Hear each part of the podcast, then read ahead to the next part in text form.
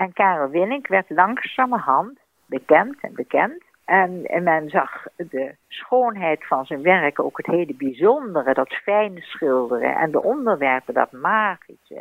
en ik ben erg eh, épris van zijn schilderijen. Nou, dus daar hebben we veelvuldig over gesproken.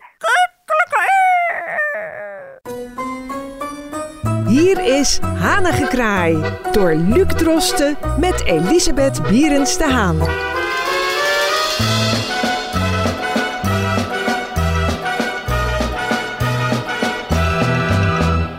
Luistert naar Hanengekraai, de wekelijkse podcast van Amsterdam FM hier in Scheltem Live. Mevrouw Bierens de Haan is wederom aan de telefoon in dit tweeluik en vandaag het tweede deel over Mathilde en vandaag Karel Willink. Mevrouw Bierenstaan, daar zijn we weer.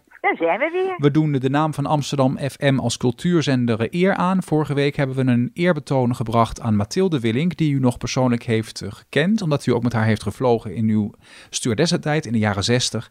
Maar vandaag gaan wij dieper in op haar echtgenoot, Karel Willink, die u daarvoor, meen ik, ook al uh, via uw eigen echtgenoot kende. Kunt u daar kort op ingaan?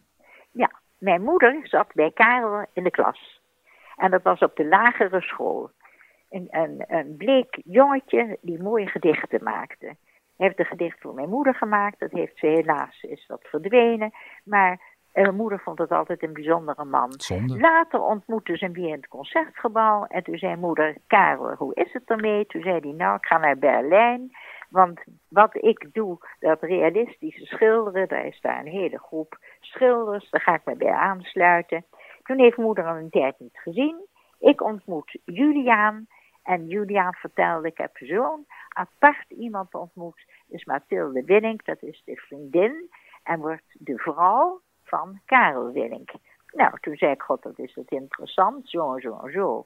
Dus die naam die viel natuurlijk veel. En Karel Willink werd langzamerhand bekend en bekend.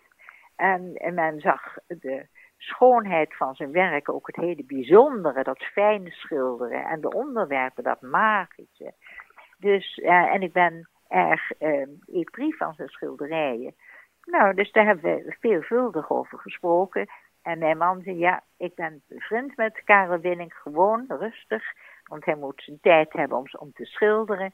Maar we af en toe, dan gaan we daar een, een kop thee drinken. Dan ga je mee, dan zal ik, uh, zal ik je even introduceren. En zo hebben mijn man en ik dan wat bezoekjes gebracht aan een bijzonder getalenteerde schilder.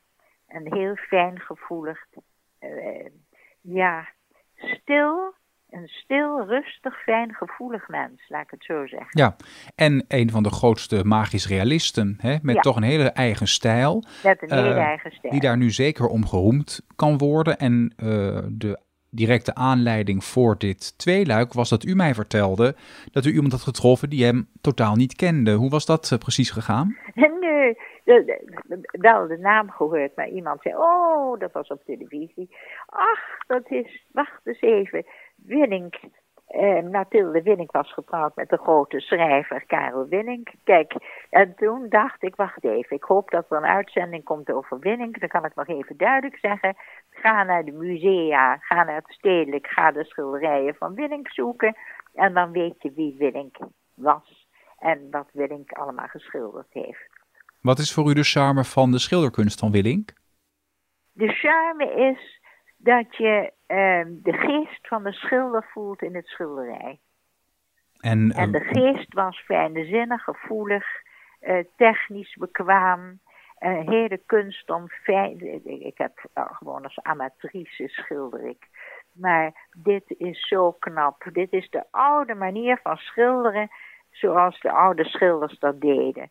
Het is een enorme um, ja, uh, focus in zijn schilderijen, heb ik de indruk, ook vaak op hemels, hè, luchten. Ja, luchten. En, en vooral de Griekse motieven ja, ook. Tempels. En uh, prachtig hoe hij dat deed. Knap.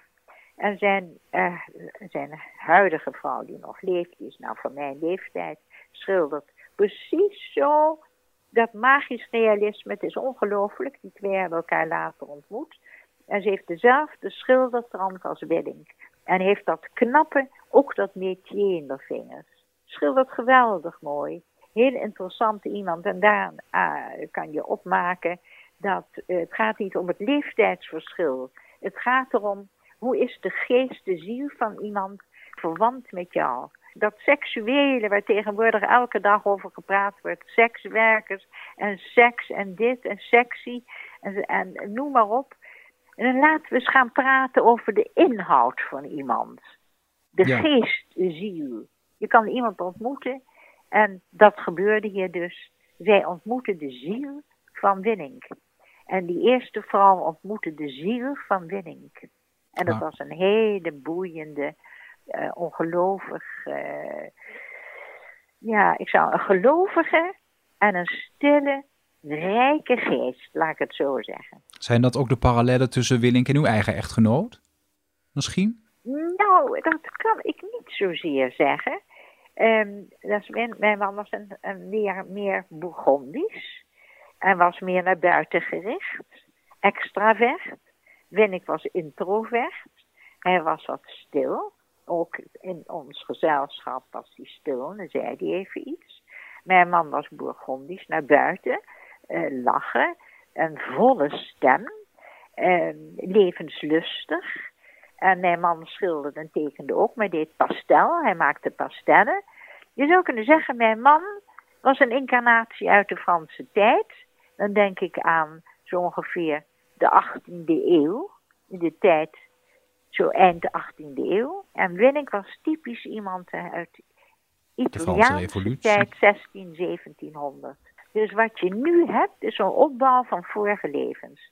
En dat zag je prachtig bij Winning. Een oude ziel, hele oude ziel. En Mathilde Winning, een hele oude ziel. En dan komt Sylvia op het toneel, dat is een jongere ziel. Ik eh, kan bij haar weinig zien, ik ken er ook te weinig. Maar het is duidelijk dat Mathilde en Karel twee oude zielen waren. Met een rijkdom van geest en een kwetsbaarheid speciaal voor Mathilde. Nou, dit was een prachtig eerbetoon, denk ik, aan beide. Ja. Nou, prachtig. En ik, zal ze, ik heb hier boeken over binnen. Ik zal ze lang, zolang ik leef, zal ik deze mensen eh, van de aarde naar de geest goede gedachten sturen. En, en denken van, ik hoop dat de mensen allemaal zeggen, hij was een prachtige schilder. En, eh, maar ook rustig en ook bescheiden. Heel bescheiden. Zijn stem was bescheiden. Zijn stem was klein. Een kleine stem. Heel merkwaardig. Een kleine stem wat ik me herinner. Ja, En dat was Karel Winning. ik eh, dank u mevrouw Bierens de Haan voor uw eerbetoon aan beide. Lieve Luc, dank je zeer. Ik ben zo blij dat de podcast bestaat. Dat we zonder regisseurs, dat we kunnen zeggen wat we willen. Vaak Fijn, worden dingen eruit geknipt. En hier, je gaat de lucht in. Je bent vrij als een meeuw die vliegt door de lucht. Ja, stiekem, stiekem knip ik er van alles uit, maar daar heeft u geen weet van. Nee, dat doe je stiekem. Maar ik, wij zijn van hetzelfde hout gesneden.